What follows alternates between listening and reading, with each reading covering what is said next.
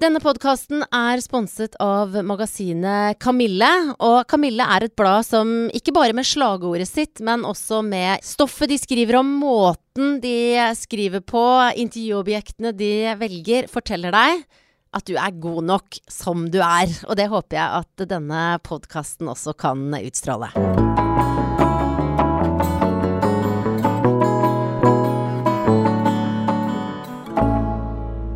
I et, ikke for å skryte, men stappfullt lokale med masse bra damer og fyrer, er det nå klart for uh, podkasten Bra damer. Live i Bergen by med Thea Hjelmeland. Hei. Så hei. Og vet du hva, Thea? Det er sånn Det har gått så bra med deg i det siste at på dette arrangementet så oppdaterte vi fra eh, Bra damer med Guri Solberg og Thea Hjelmeland til og kritikerroste Thea Hjelmeland. Ja. Hvordan trives du i kategorien kritikerost? Um, ja, hva skal jeg si? Jeg uh, har altså da gitt ut et album som har fått uh, helt fantastisk gode anmeldelser. Og jeg har jobba med det i tre år. Og for min del så var det egentlig det at publikum skulle lytte på det. Slippdato, det var nok. Det var overveldende nok i seg sjøl på et vis. da. Så det å i tillegg få altså det er, jo, det er jo en løgn å si at det ikke betyr noe med anmelderne, altså det de skriver. Men det jeg opplever, er at det som har blitt skrevet om albumet mitt og arbeidet mitt um, At de som har skrevet om det, har tatt seg virkelig tid til det. De har lytta godt for plata. De har prøvd å forstå tekstene. De resonnerer veldig fint rundt det, sånn at jeg også kan lese og litt sånn 'Å ja, interessant. Det har jeg ikke tenkt for. Ja, det var interessant. Ja, du tenker det, ja.' Altså, Mm. det, At jeg har en ny innfallsvinkel på det òg, da. Men uh, i Altså, jeg er jo selvstendig artist. Altså, å få så overveldende mye positive tilbakemeldinger, det er jo klart at det er jo bare helt fantastisk. Mm. Ja. Du, du sier at de har virkelig tatt seg tid, og jeg har også lest ganske mange av de anmeldelsene som virkelig er nærmest sånn analyser Mm. av det kunstverket eller den plata som du har levert nå etter mye hardt arbeid. Hva er det som har overraska deg mest i det, det folk har kommet fram til, eller skrevet om, om det du har jobba så hardt med? Jeg visste ikke at morkake solgte så godt, da. det var liksom Og det har fått så mye oppmerksomhet. Jeg synes det er kjempefascinerende. Uh, og det som fascinerer meg mest, er at, at det kroppslige i tekstene mine har fått så enormt mye fokus. Når jeg i utgangspunktet har skrevet det som Jeg valgte det som et tekstlandskap mer som et, for en måte, for å beskrive følelser mer enn å beskrive nødvendigvis kroppen. Det fascinerer meg veldig at det bare det var en sånn overskrift. Det Ja, bare, ja, bensinplate. og Det er ikke akkurat det jeg har laga, men, uh, men det føles litt sånn, da. At uh, det blir definert veldig sånn Her er en kroppsplate. Ja. Uh, og så tenker jeg at det er jo Det er jo sant òg, da. Men det er fascinerende når folk skal skrive om det. Og jeg sitter jo bare inni det hele tida og klarer jo ikke å se det utenfra. Og da få en tilbakemelding på Ja, det her syns vi, eller Sånn, eh, sånn ser vi på det, og det her er den på en måte her, Denne kategorien tilhører du. Og så er det å ja, ok, ja, det er greit, det. Ja, for det er jo veldig mange båser du kunne blitt putta inn i. For det er jo litt sånn vi mennesker opererer, og kanskje spesielt også innenfor popkulturen. At vi har en veldig sånn OK, du er kvinnelig artist, du er der, du er sånn, er du pen, er du sånn Ikke sant? Man liksom putter deg inn forskjellige steder. Men, men er du på en måte komfortabel med den båsen du har blitt TV-et inn i nå, da, som hva skal jeg si, kropps... Kroppsartist. Ja. um, altså, jeg tenker at alt etter at jeg har laga albumet, skrevet tekstene, laga låtene, brukt masse tid i studio, produsert Altså, det er bare det er så vanvittig masse arbeid. da. jobbe med det visuelle og bare sendt til trykkeriet. sørge for at alt det kommer på plass ut til butikkene. Altså, da er det på en måte Idet det Idet noen skal lytte på musikken, eh, høre på tekstene, lese tekstene, så er alt utenfor min kontroll. Det er på en måte ikke mitt eget lenger. Eh, og det er jo jeg vant til å forholde meg til. Um, men det blir, jo, det blir, jo, veldig mye lettere når folk liker det. da. Fordi ja. da er det sånn, ja, jeg òg liker det. Så er det mer sånn fellesskapsfølelse mer enn um, at man blir stilt veldig til veggs med 'Hva mener du med det, det her?' Uh, så jeg tenker at um, Ja. Det er noe med at det jeg ikke kan, kan, kontrollere, må jeg uansett forholde meg til. Men jeg kan sjøl velge i hva grad jeg vil at jeg skal la at jeg vil bli påvirka av det. da. Mm. Uh, ja. Men du, du, sa noe om at du, du, valgte deg dette her, altså kroppen og alt det som er blitt trukket fram i disse overskriftene, som du sier, var for deg mer et tekstlandskap du valgte. Jeg vet ikke om det var ordene du brukte, ja. men hvorfor bestemte du deg for, uh, for det landskapet? Uh, jeg tenker at det har mye med å gjøre at um, jeg alltid Jeg har veldig sterke følelser, og jeg jobber Jeg lager på en måte musikken ut ifra følelsene. Tekstene er skrevet ut fra et, et holdt på å si følsomt sted. Et, altså kjerna i meg sjøl, da.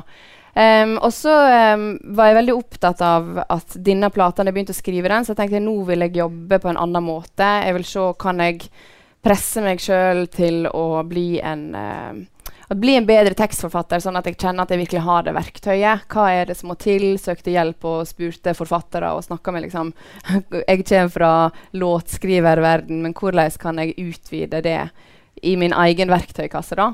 Eh, og så tenker jeg at eh, jeg ble veldig opptatt av at det Jeg veldig, var veldig bevisst på at det tekstmaterialet jeg skulle skrive, er jo det som jeg har med meg inn i en turnéperiode når jeg turnerer med plata. Og da tenkte jeg hvor rikt kan jeg gjøre det materialet, sånn at jeg kan virkelig jobbe med um, Jobbe med det sceniske, for jeg har jo på en måte veldig mange prosjekt pågående samtidig og holder på å lage, utvikle et konsept scenisk som, som, også kan på en måte dra og tøye litt. Og det er noe med hva Hvordan kan jeg gi meg sjøl en veldig variert og rik arbeidsplass på et vis. Mm. Og det er noe med at da må jeg lage et tekstlandskap som jeg skal kose meg skikkelig i når jeg synger det for andre. Og da kommer jeg veldig raskt til sånn Ja, hva syns jeg er gøy, da? Og jeg liker jo noen ting litt på kanten. Og da er det noe med hva, hvor ligger på en måte det drøye? Hva er det jeg syns ubehagelig? Hva er det, er det noe som gjør meg flau? Kan jeg på en måte leite godt i meg sjøl og på hvordan altså Det er jo lett å si ja, nå vil jeg utfordre meg sjøl, og så går en veldig lett i på en måte samme vane. Jeg har, et, jeg har jo et kreativt mønster jeg skaper ifra. Det er liksom å si til seg sjøl ja, i morgen skal jeg begynne nytt og bedre liv, eller i morgen skal jeg begynne å trene, og jeg skal trene fire dager i veka og så mye. Det, du må jo bruke litt viljestyrke, og du må ja. begynne et sted. Og litt sånn er det når jeg sier ja, nå vil jeg lage en ny plate. Og sånn, ok, Men utgangspunktet mitt er jo alt jeg har laga. Hvordan går jeg vekk fra det og inn i noe annet? Så da måtte jeg virkelig uh, ha noen uh, møter med meg sjøl og se hva er det jeg syns er gøy. Uh, for det ble veldig tydelig for meg at jeg har lyst å skape et materiale som jeg virkelig koser meg med.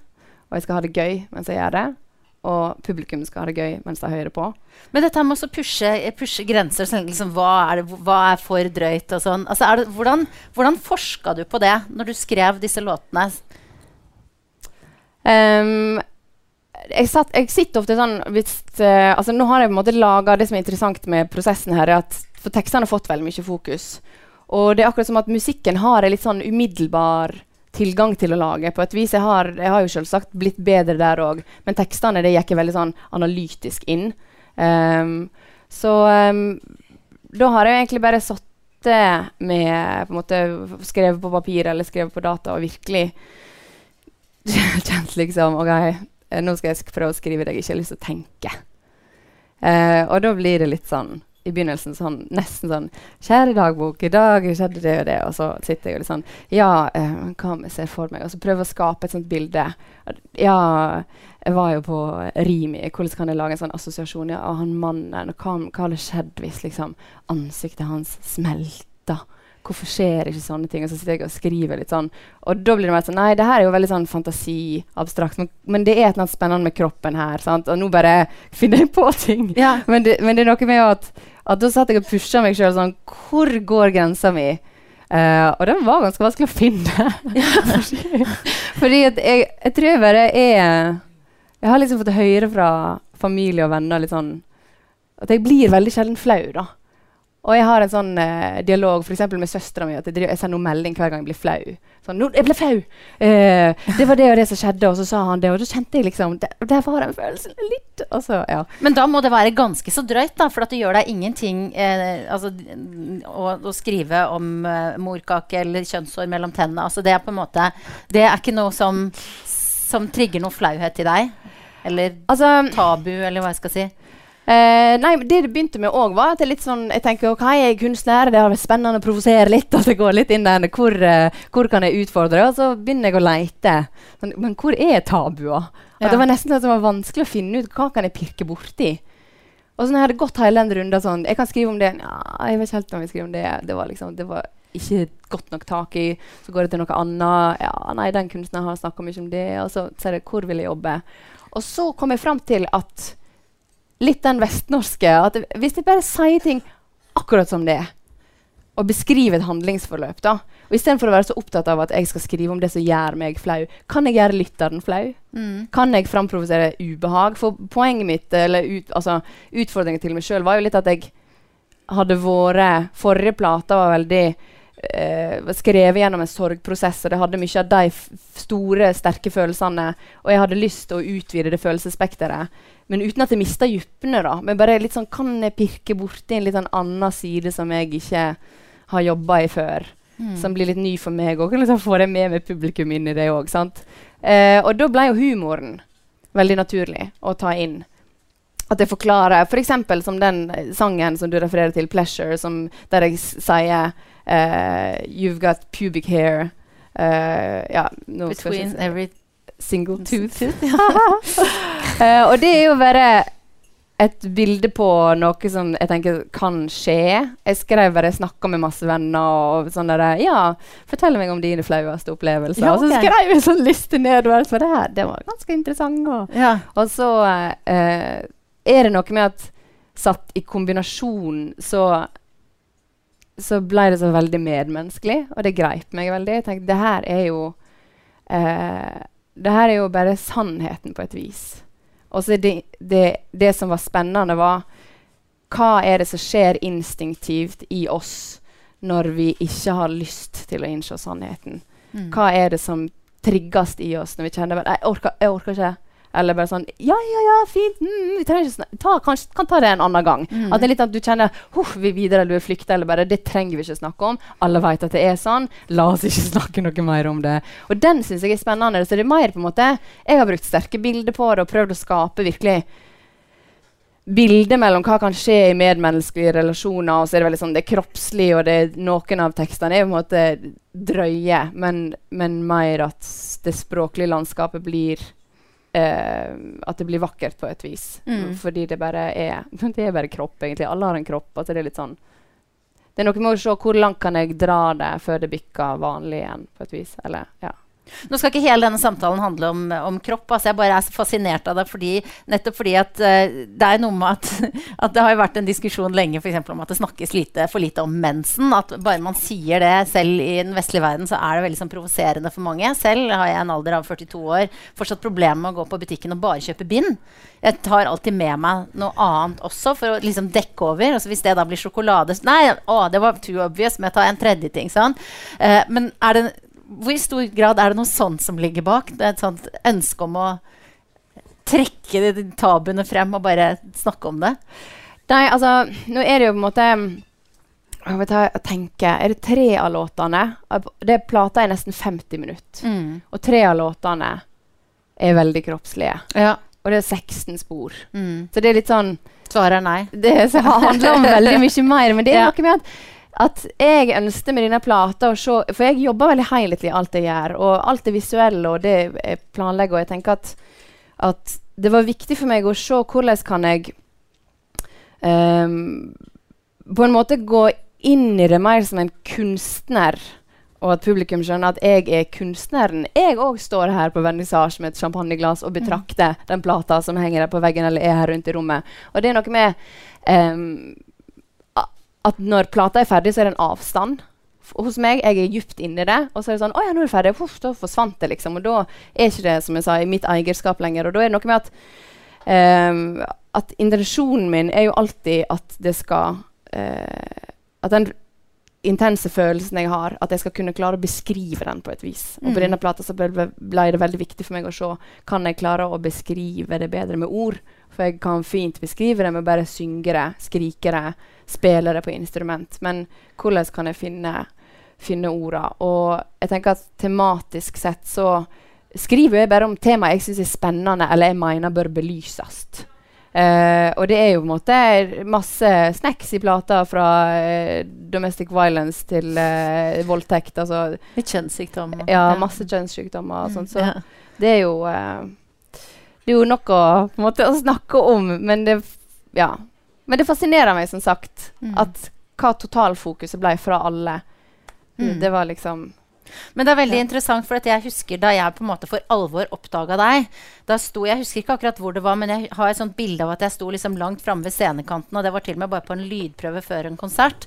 Og da spilte du musikk fra din forrige plate, Solar Ja. Og da husker jeg at da måtte jeg bare begynne å grine. Og om det da Ja. er ikke sant, Du nevner altså din historie som var forut for den plata, med at du had- gikk gjennom en stor sorgsprosess privat.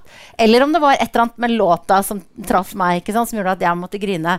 Uh, og det er sikkert mange som har lignende opplevelser både med Thea sin musikk og andre. Så nå har du jo laga et album som, som får meg til å liksom, ikke sant? Du vet jeg, jeg blir litt flau av noen av tekstene, og så ler jeg, for det er morsomt. Og så bare wow, som hun synger. Men det er du er så mye, det er mye sånn gladalbum da, i forhold. Men hvordan merker du det på sånne altså sånn som lyttere som meg, som da kommer til deg og sikkert har sin personlige opplevelse av det? Um, ja, det har vært veldig spennende meg, for meg å, å uh, presentere albumet for publikum fordi at jeg var veldig nysgjerrig på litt sånn. Syns det er litt skummelt òg. Uh, klar, er det her noe som vil falle i smak på det samme publikummet? Klarer jeg å ta med meg det publikummet som jeg hadde veldig veldig nære og gode og sterke opplevelser med i konsertsammenheng, og har fått enormt mange sånn eh, nære betroelser. Altså, det var bare en kontakt som var helt fantastisk, da. Eh, og også ganske voldsom å skulle håndtere på et vis, da, fordi jeg var kanskje ikke helt forberedt på det. Men så er det noe med at, eh, at jeg kan gå fra et innhold som var sterkt, men som var det det var på et vis. Og kunstnerisk sett så vil jeg si og så var det ferdig. Nå må jeg nullstille meg, begynne på nytt. Og da var jeg veldig spent på om jeg får med meg folk. Eh, og der ligger det bare en god dose tillit Ja. for å tenke at uavhengig av hva jeg skriver om, hva musikk jeg lager, så tenker jeg at i bunn og grunn så er jeg vokalist, og jeg er en formidler, jeg er en historieforteller.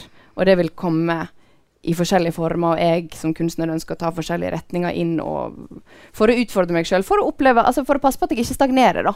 For det er noe med å hele tida være skapende. Og da tenker jeg at så lenge jeg er tru mot det, så lenge jeg er ærlig med meg sjøl, og så lenge uttrykket, altså det jeg uttrykker kunstnerisk, er ærlig, så vil man gjenkjenne det og søke etter det.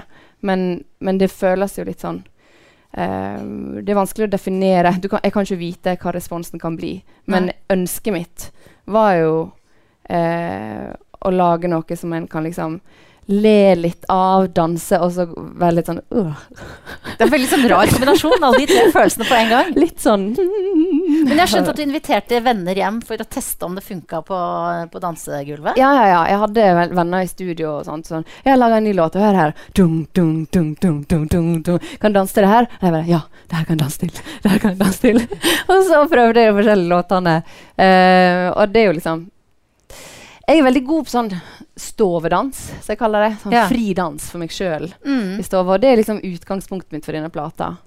Det skal litt til å få publikum til å danse med meg på den måten i en sal der man liksom blir litt sånn sjølbevisst. Men tenker jeg, hvis folk kan danse sånn hjemme, så eh, Det kan jo være alt fra gynging til liksom helt gå helt rabiat Ja, i stova. Så tenker jeg det, da er mye oppnådd. Mens de da eventuelt blir litt flaue. Det er jo, det er jo nydelig. Ja, det kan ikke jeg styre, men eh, ja. Men du, ikke sant, en ting eh, Vi snakka om båser, om du er eh, sanger, kunstner, eh, artist, popstjerne. Jeg oppfatter deg i stor grad som skuespiller òg. Og du har jo også jobba og spilt på teater, både laget musikk og vært på scenen selv. Eh, men når jeg hører plata di også Jeg vet ikke om det er noen her som har lagt merke til det samme når dere har hørt at det, Så akkurat som jeg ser karakterer der også, for du synger Først så er det sånn nydelig, og så kommer det en litt sånn mørkere stemme. Og så er det akkurat som du, du synger som Janelle Monet, men det er akkurat som du nesten parodierer henne. skjønner du? Jeg ser for meg masse forskjellige karakterer. Mm. Er det, er det, hvor stor del av det er noe du går inn i det med? Er du, er du skuespiller når du spiller inn plata di? Jeg tror det ble uh, veldig uh, fort eh, klar over at jeg hadde egentlig laga et rollegalleri. Så jeg tenker at analysen er veldig Den stemmer. Ja, takk. Ti poeng til meg. Neste spørsmål. Nei da.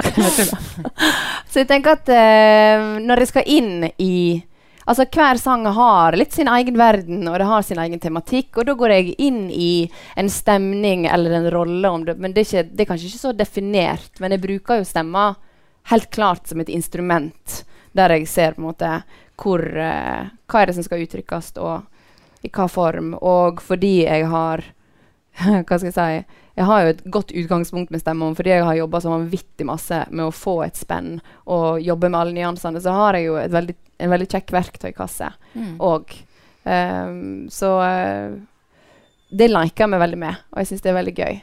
Og jeg har nok alltid liksom hatt en sånn drøm om å bli bli skuespiller. Men nå vet jeg jo hva det vil si, da, så jeg vet ikke om jeg drømmer så mye om det nå lenger. Det er jo bare så beintøft. Ja. Herlighet til de jobber. Ja. Men du står nå på, du òg? Ja, ja. Men nå er liksom drømmen gått litt mer over på sånn, kanskje jeg skulle vært jordmor. Ja. er det sant? Har du en sånn alternativ ja, karriereplan? Eh, nei, det har jeg ikke. Men jeg eh, tenker at eh, at jeg, kanskje jeg har et litt sånn parallelt liv. Eller jeg har en sånn fantasiverden som jeg pleier alltid å si den foregår her på høyre side. Ja.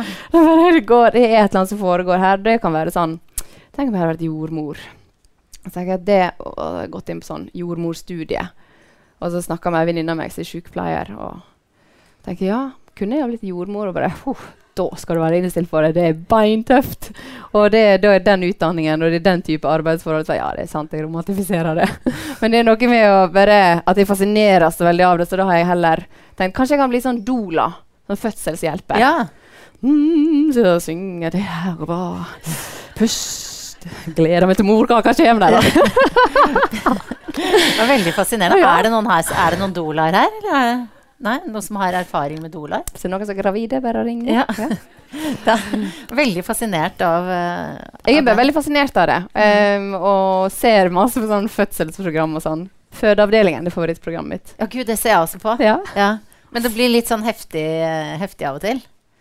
Ja, jeg griner jo hver gang barnet blir født. Men, eh, eller barna. Det er ikke mm. det samme barnet. Men uh, ja, det fascinerer meg. Men det er egentlig para som fascinerer meg.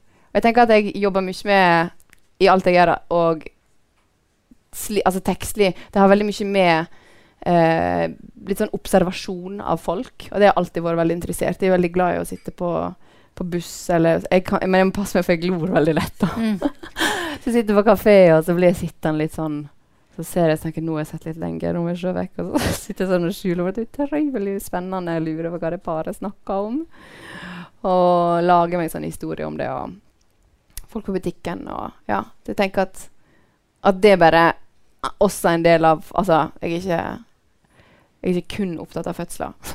men, eh, men å se eh, vanlige folk i en så ekstrem situasjon, og hvordan de håndterer det, jeg, jeg syns bare det er kjempespennende. Og det har mye med det på en måte hvordan jeg fascineres av det instinktive i oss. da.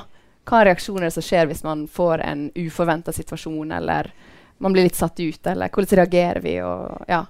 og jeg tror liksom alt Jeg kan si hva jeg vil om det kroppslige plata og all min fascinasjon for uh, uh, holdt på å si sterke krefter. Men jeg tenker at alt i albumet og mye av det jeg jobber med i livekonseptet nå, handler jo om at jeg um, At jeg er veldig opptatt av den aktive eller passive tilskueren i samfunnet. Eller altså når er vi aktive, eller når er vi passive?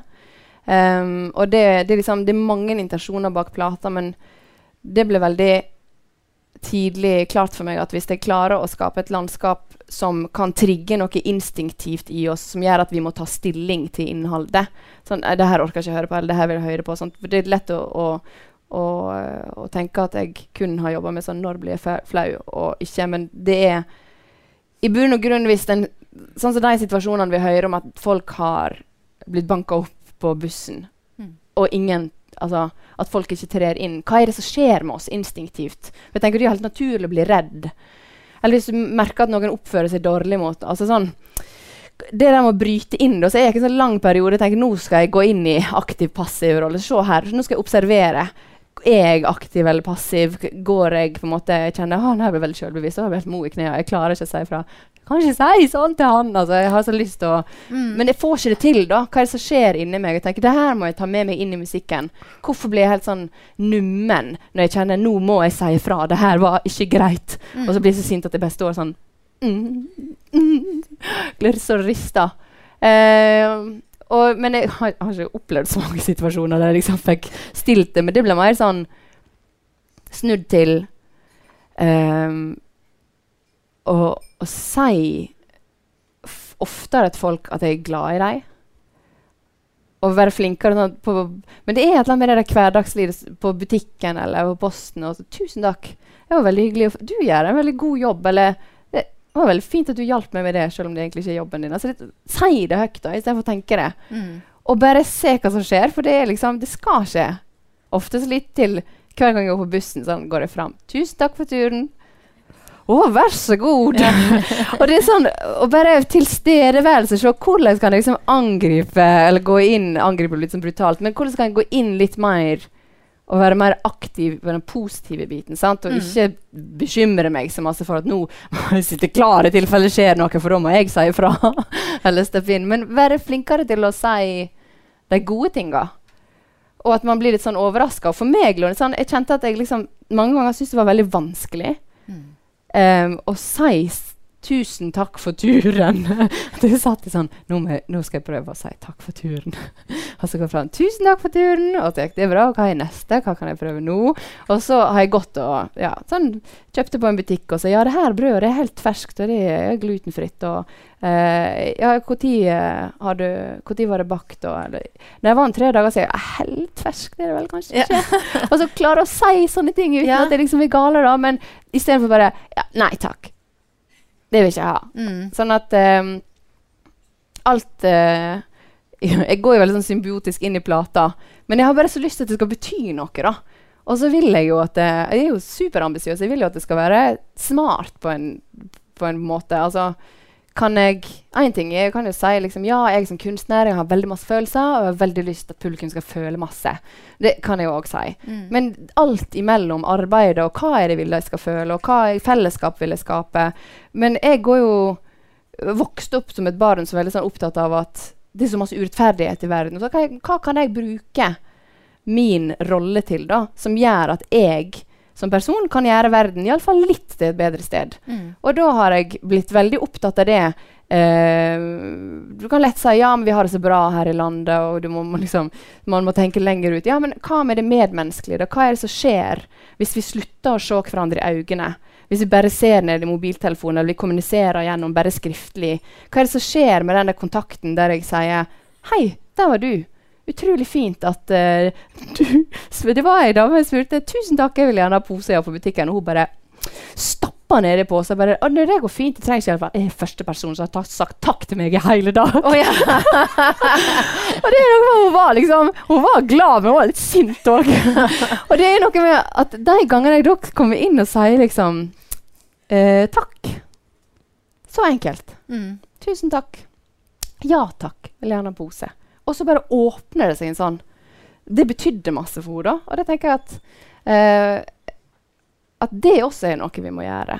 Du kan lett tenke sånn ja, nå vil jeg redde verden, og da går det rett til FN eller rett til en måte en sånn stor organisasjon. Men i hverdagen. Mm. At alle de små tingene i en sånn rytme, at det alltid er eksisterende. At en tør å gå ut for sin egen boble.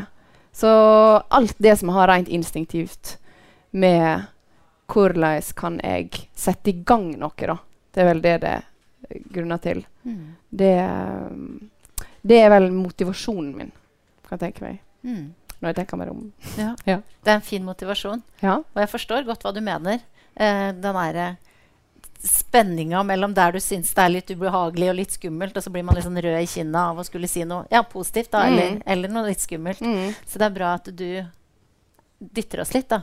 Ja, men det er noe med at det trenger ikke nødvendigvis være ubehagelig i form av at det er flau, eller det her vil ikke høre om, men ubehagelig det som jeg syns er vanskelig for meg sjøl, er at hvis jeg merker at jeg har lyst til å gjøre noe, men ikke klarer det Og fascinasjonen over at Men jeg har jo ikke veldig lyst til å si det her. Og så er det et eller annet inni meg som stopper meg. Og det så er det helt sånn Hvorfor samsvarer ikke reaksjonsmønsteret mitt med verdigrunnlaget mitt? Sånn, det er noe med å klare å øve seg litt på det. og kan jeg gå inn i det? Og ikke, å, nå er jeg helt svett. Mm. Men jeg sa iallfall ifra. Jeg tok den telefonen. Uh, det var, jeg satt på bussen den dagen, og så var det ei dame som satt foran meg, og så var det en to-treåring som satt ved siden av henne. Og rett før måte, hoved, altså bystasjonen, hovedbusstasjonen i Bergen, så bråbremsa bussen, sånn at den jenta bare flaug inn under setet. Og så ble hun bare liggende helt sånn stille. Og hele bussen bare reiste seg. og helt sånn der, Hva er det som skjer nå? Og så viste det seg at det gikk helt fint med jenta. Hun bare ble, sånn, ble helt, helt sjokk. Og mora var helt sånn, skulle av. Og, og alle reagerte med å reise opp. Og så satt alle seg bare ned igjen, for det gikk jo bra med henne. Og mora hadde sånn fire collie. Uh, og jeg, jeg, ble helt sånn der Jeg må hjelpe henne. og jeg bare 'Skal jeg hjelpe?' 'Nei, nei, det går bra, det går bra', sa hun. Og jeg bare 'Ja, ja, men jeg kan jo visst ta barnet ditt i handa', liksom. Så gikk jeg sånn 'Mamma står der, mamma står der'. Så hun skal ut av bussen, og hun bar på sånne voldsomme sekker og sånt. Jeg gikk ut da. Og så, så, Hun var jo bare supershaky, hun mora. Og så uh, gikk nå de av. så Da kjente jeg ble helt sånn uh, Jeg blir veldig glad for at jeg gjorde det. Og så merka jeg sånn når jeg kom inn igjen bussen, og alle som satt rundt og så litt på meg. Sånn, for det er jo ikke noe. Mm. Uh, men jeg satt sånn her og skalv, liksom. Jeg bare Jeg gjorde noe. oh, jeg gjorde noe. Og så, idet bussen stopper på siste stopp, så går jeg fram til bussjåføren og sier unnskyld, jeg må bare spørre, så du hva som skjedde der borte? Så nei, hva da? Nei, OK, han hadde ikke fått med seg. Det var en treåring som liksom forsvant langt under uh, setene. Nei, det, men hvor var moren? Og jeg bare OK. Uh, det er jo veldig fint hvis du ikke bråbremser òg når bussen ikke har bilbelte. Og så uh, gikk jeg ut av bussen, og så tok jeg bilnummeret, og så ringte jeg busselskapet. Og han har ja. ikke jobb i dag. ja, det veit jeg ikke. Men der er jeg veldig opptatt av at den telefonen må jeg ta. Og så ringer jeg bare og sier her er på en måte situasjonen. Eh, jeg skal ikke dømme noen, men jeg ble reagerte på måten jeg ble møtt på. Og det er tross alt en treåring som kunne skada seg veldig masse. Og busselskapet sier eh, Eller de sier vi er veldig glad for at vi får sånne meldinger, for da kan vi pushe litt mer på, sånn at det blir belte i bussen. Sånn telefoner tar jeg. Men jeg måtte øve meg litt, da. Ja. Bra! Ja. du, i en, um, i en uh, verden som er veldig opptatt av liksom, det perfekte og det vakre, eh, så slår du meg som en artist som eh, tør å se litt sprø ut. Eh, både på scenen og ja, Da du vant Spellemannpris, hadde du et helt fantastisk antrekk. Jeg husker ikke helt hva du hadde på, men at du hadde matchende øyenbryn og kjole. Nei, du hadde helt lyse øyenbryn.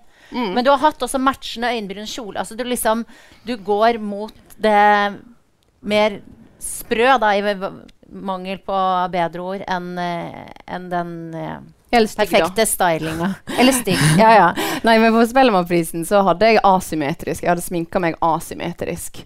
Fordi at for, meg, for jeg ble så utrolig Altså, det er jo en Spellemannprisen Det er jo musikkpris. Så veldig mye sånn rød løper og 'Ja, hvor har du kjøpt kjolen din?' Det bare, mm. Eh, nå skal du høre. jeg har laga kjolen min sjøl. og så så jeg veldig sånn, så ut som en gammel mann i ansiktet, egentlig. Og sminkøren ble så glad over det. Endelig er det noen som vet at vi har fag! Ja. Og det var sånn, ja, jeg vil gjerne, Hvis du kan få ansiktet mitt så litt sånn, at jeg ser litt sånn ut som den høyre sida er litt høyere enn den andre, sånn at det er vridd. Men, uh, og at håret var helt sånn hvitt, og bare helt sånne hvite øyenbryn. Så, uh, men hele poenget mitt var at jeg skulle spille på utdelinga. Jeg var nominert til pris, men jeg skulle spille. Og jeg måtte kle meg i det antrekket som passa til hvordan jeg syns at sangen best ble presentert på TV. Det var bare det jeg gjorde. Men fordi jeg også gikk forbi rød løper, så ble det litt sånn, da er det jo litt annen lyssetting og sånt. Da, så jeg så jo utrolig fin ut. Men det er jo veldig stilig. Altså, jeg følger jo deg sikkert flere her som gjør på Instagram og sånn. Og da kan man se deg stå og kyle i heisen, eller du har en litt sånn mannlig karakter som røyker tamponger og ligner mistenkelig på Donald Trump med litt sånn bakovergredd hår. Du liksom søker mot det litt sånn eh, ja, stygge, da. Ja. Hvor, hvor, kommer det fra? Uh, Nei, jeg er litt stygg innvendig. Nei, Nei det, jeg tror det bare handler om at jeg liker. Ja. Det er ikke så veldig mye mer enn det. jeg på en måte skal, igjen skal jeg se det utenfra, så kan jeg sikkert se Oi, her prøver jeg kanskje på å gjøre noe som står i kontrast. Men jeg tenker fra, for min del handler det bare om hva er gøy. Åh, så kom hun dama fram, og så var jeg liksom med venninna, og, og, håret sto rett ut. Men hva om jeg setter håret og sånn og bare Å, nå skal jeg prøve det. Kan jeg røyke en tampong? Hvis jeg sitter her, sitter her nå på den verandaen, og filmer vi det, og så, så, så ble det bare en film. Det var ikke noe mer enn det. Men jeg har det litt sånn når jeg er med noen av vennene mine. Mm. Da blir vi av og til litt karakterer og sånt. Så er det bare flaks at det av og til blir filma. Mm. Ja. ja. det er gøy å følge. Ja, det er bra. Men det, for min del har det jo Når jeg begynte å lage denne plata, og jeg kjente nå må jeg jobbe litt mer med humor, så har jeg utfordra meg litt meg sjøl på å se hva jeg, hvor, går, hvor går grensa i hva opplever jeg. Altså, for humor er jo på en måte Jeg opplever at det er ganske At der lå det en veldig grense for meg, for det oppleves veldig privat. Humor? Ja. Hvorfor er det sånn? Nei, det var bare en observasjon jeg hadde for meg sjøl. At jeg kjente på en måte Det her syns jeg var vanskelig å vite om jeg skal dele eller ikke av f.eks. en video. Fordi at Jeg syns det er utrolig morsomt. Og så er det noe med at bare uh, Ja, at det var veldig meg, da. Sant? Det er noe med det at da blir det Jeg former jo veldig den scenepersonligheten jeg har, på et vis. Og gjennom Altså Når jeg går i intervju og sjøl her Jeg har jo gjort meg opp et bilde om hva jeg har lyst til å snakke om, hva jeg ikke har lyst til å snakke om. sant? Nå må jeg bare rape litt. Grann. Unnskyld. Rape må du gjerne gjøre. og så um, er det noe med at um, Jeg ikke alltid tenker så veldig mye over. Jeg bare koser meg. Mm. Og så tenker jeg at de gangene jeg koser meg og det klaffer, sånn i det kreative, jeg bare leker meg. Så jeg, å, det her er fint, det her, må, liksom, det her må jeg dele med noen andre. Og så er det plutselig utvikla seg til litt sånn Kanskje et rollegalleri da, som jeg potensielt kan videreutvikle. og sånt. Og, ja. Men uh, det er nok litt den der skuespiller uh, At jeg har lyst til å gjøre mer av det. Men jeg mm. bare tester ut. og ja. Men, men, det er jo interessant at du sier at det oppleves liksom privat. For mm. eh, hvor, hvor, viktig er humor for deg? Altså, den er jo til stede ja. i musikken din. Ja, ja, ja. Veldig viktig. Jeg ler hver dag. det gjør jeg faktisk ikke, men uh, jeg prøver på det. Uh, det er veldig viktig. Altså, jeg har jo brukt humor som et verktøy i disse tekstene som, på denne plata fordi jeg så at det var en fin måte å gripe an noe som man kan på en måte velge om man vil gå inn i eller ut. Altså, ikke ironisk distanse, for da er det på en måte som om man ikke skal forholde seg til det i det hele tatt, men, men, mer ved å Altså, jeg innså at ved å si det akkurat som det er, så blir det morsomt. Fordi jeg prøver ikke å pakke det inn. Og da så jeg liksom hvor Hvor nærme kan jeg gå en slags sannhet, og hvor morsomt kan det være? Og jeg tenker det ligger mye i den Iallfall der jeg kommer fra, i Sunnfjord og Førde, at det er noe med at man bare sier minst mulig, men det skal være mest mulig innhold i det som blir sagt. Og så er det kanskje i lufta. At det er ofte bare sånn Ja det var det som ble sagt. Ja. Altså, det ligger veldig mye i det av spenning. Da. Så okay, hvordan kan jeg bruke det i det språklige? Mm. Si en setning, og så får man bare et totalbilde av hva som potensielt kunne ha vært rundt. Men i utgangspunktet bare lyrikk. Mm. Tror du denne plata og den andre musikken din eh, blir tatt imot på en annen måte eh, fordi du er kvinne? Altså blir, som, og spesielt kanskje når den er så poppete. Kvinnelig popmusikk. Tilbake til liksom eh, de båsene vi snakka mm. om i stad. Kjenner du noen gang på det? Uh, jeg tenker ikke så veldig ofte på det. Uh, og jeg har reflektert litt med andre kollegaer om det. Hvordan, for vi får Altså andre kvinnelige kollegaer. Fordi vi ofte får spørsmål der jeg opplever at ja, nå, skal jeg tale på vegne av ja, mm. kvinner, eller uh, altså, om det er kjønn, eller uh, om det er kvinnelig artist, eller hva, hva navn det får. Da. Men jeg, jeg, har jeg tenker ikke så mye på det, men jeg er jo bevisst likevel. da, Fordi at jeg f.eks. i tekstene eller i måten jeg framstår på i det visuelle, at jeg kan at jeg leker med det feminine og det maskuline. Og jeg prøver å passe på at jeg ikke er ekskluderende for alle kjønn når jeg skriver. Jeg skriver for et utgangspunkt jeg syns er spennende, og hvis jeg skal bruke min egen erfaring eller på en måte en innfallsvinkel som jeg har en på en måte direkte eh, erfaring til, da, sant? som f.eks. fødsel. Fordi jeg har født, så er det litt lettere for meg å sette meg inn i det, kanskje. Eh, men det er noe med å eh, Det er noe med å, å åpne opp for at hvis jeg synger om foreldrerolle, så synger jeg ikke om morsrolle. Jeg synger om foreldrerolle fordi at selv om jeg har et perspektiv, så har jeg alltid vært kvinne. Aldri vært mann, så jeg kan ikke sette meg inn i, i den situasjonen. Men det er noe med at uh, jeg er klar over at jeg kan bli definert ut ifra kjønn. Men jeg prøver å ikke tenke så veldig mye på det sjøl. Igjen litt sånn ut av min kontroll og Mm. sånn Ja, ja, det er sånn Det tenker du. Altså, Ja. tenker ikke så mye mer på det. Ja. Du, jeg ba deg om å ta med noe hit i dag som kunne fortelle noe om ja, Om hvem du er. ja. Og så spøkte du litt med oss at ja, det blir vel en morkake. Men det er ikke det du har tatt med? Hei, jeg har altså Det jeg tenkte jeg skulle vise deg, var at det er ikke langt fra sannheten. Skal vi se, jeg har en veske. Fordi at eh, det er ei dame i England som eh, driver og eh, selger morkake som næringstilskudd. Yes. Eh, som jeg altså får tak i. Eh, og det, det det sier om meg sjøl, er jo at det er At jeg er veldig nysgjerrig på nye ting. Så jeg tenkte du skulle få smake. Det ser jo ut som chili powder. Jesus fucking Christ. Hvordan tar man det inn, da? Det er bare te. Å ja. Jeg bare tuller. Men du så at jeg var klar for det? Å, jeg bare klarte ikke noe. Nå kjente jeg bare sånn jeg kan ikke la henne smake. Det er bare fruktte. Ja. Men jeg bare tenkte det her er det nærmeste jeg kommer tørka morkake. For de Ja. andre kan være veldig opptatt av at jeg er opptatt av morkake. Ja, Men du er ikke så opptatt av det? Jeg skrev én sang om det, men det var fordi at den sangen som heter 'Placenta', den, det var den siste sangen jeg skrev tekst til. Det er den mest poppa sangen på hele albumet. Når jeg, den var nesten ferdig produsert, og jeg kjente bare eh, Det her økte her vet ikke om jeg klarer å stå inne for. Det her er bare for pop. Og da satt jeg i studio over det, og jeg kjente på en sånn Der kom mitt ubehag. Der kjente jeg jeg gikk utfor komfortsona. Og det var sånn. Og jeg bare Hvordan skal jeg klare å få til å liksom mene det her? Fordi at det ble så annerledes for meg. Og så tenkte jeg da må jeg lage en tekst som bare slår den låta hardt ned i bakken. Og tenkte jeg, der skal du bli.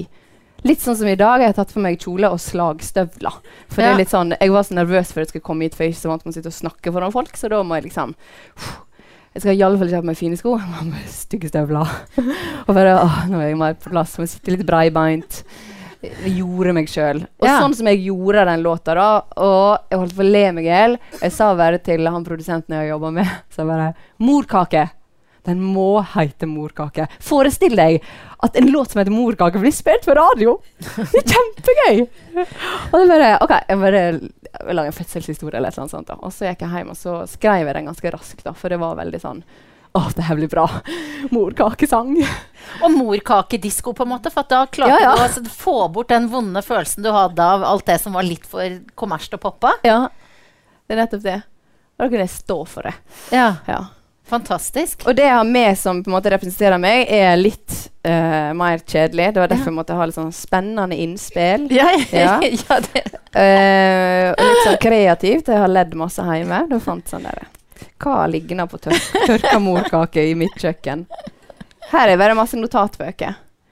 Og jeg har, jeg har nå disse her var gamle, så jeg ikke skal begynne å Ja, her er litt dagbok. Og så er det tekstideer.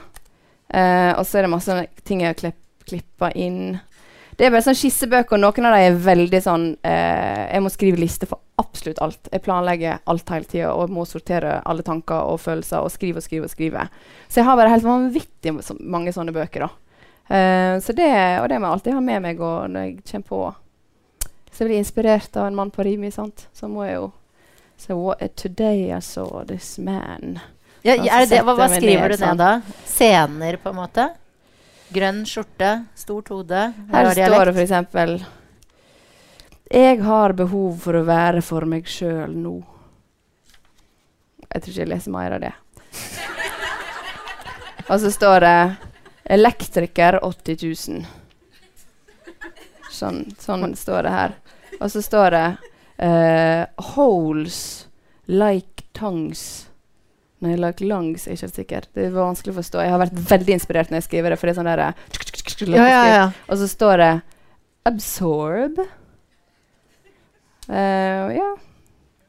Og så tror ikke jeg jeg skal lese mer, for det var i alle fall ikke sensurert materiale. En slags blanding av eh, altså elektriker altså Disse er helt sånn vanlige, Det er jo hverdagslige ting. Elektriker 80 000. Ja. Hvor kan det Der har du en tekst. Ja, ja, det er på gang. Det er jo neste plate. Tid for hjem og uh, Thea. Ja. Er, men du, er, altså, apropos neste plate. Er det sånn, Nå er du i gang og eh, turnerer, har flere konserter foran deg. eh, men er det sånn at du nå tenker liksom, hvor- du skal reise videre? Til du hele tida skal pushe deg til nye steder? Eh, nei, nå eh, prøver jeg å være litt her og nå. Jeg eh, det, Jeg må, må øve på det. Det er noe med at jeg har, en, jeg har noen litt sånn guts på at jeg sier liksom OK, da var det gjort. Da er neste ting. Og så skal jeg videre og skal videre. og har en sånn lang liste av ting jeg skal ikke rekke, men som jeg vil videre til, da.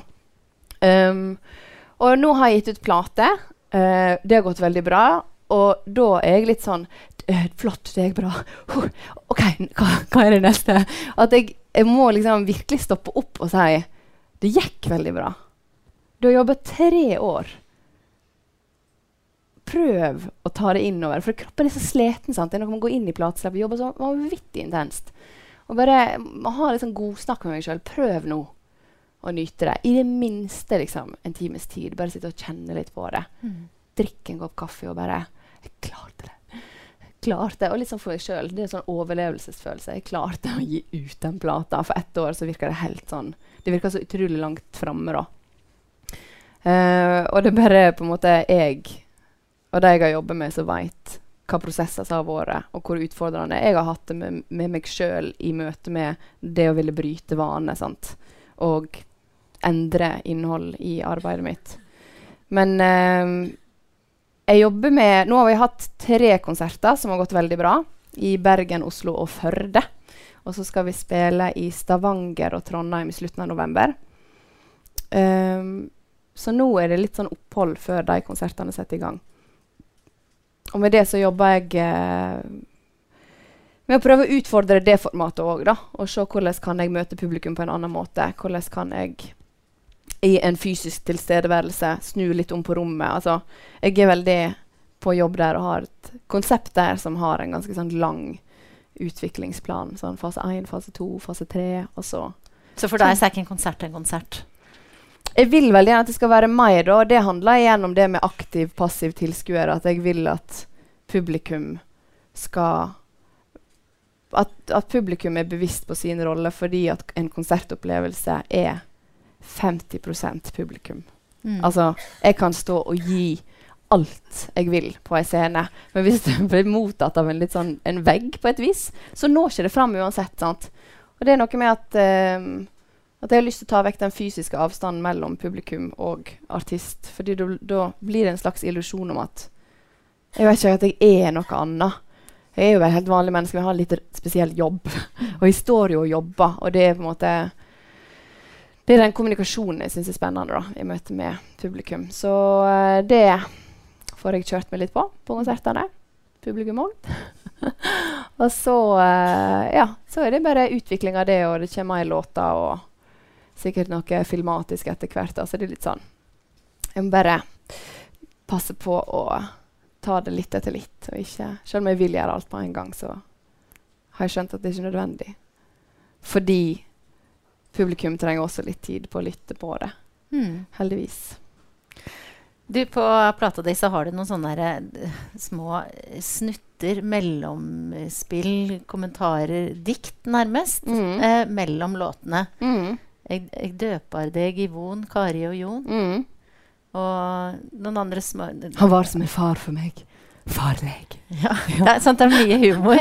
Og jeg, jeg spurte deg på forhånd om det var greit. Jeg tenkte liksom at vi kunne ha en sånn, litt sånn alternativ avrunding på denne podkasten med deg, Thea. At du tar en av disse Det som da faktisk er et stev. Mm. Um, som en avslutning på Bra damer med Thea Hjelmeland. Dere er klar for det?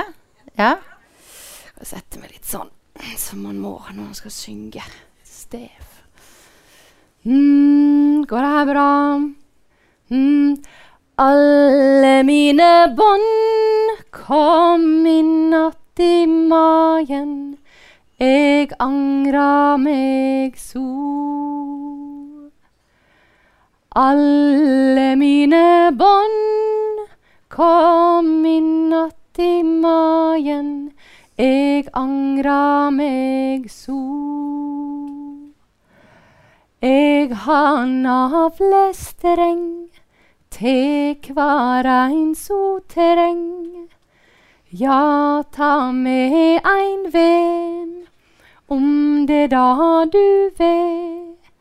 Eg har strenga att itte dei så glapp. Su-di-de-li-da, du su-di-de-li-da. Su-di-de-li-da, du su-di-de-li-da. Su-di-de-li-da, du su-di-de-li-da. Sann. Thea Hjelmeland!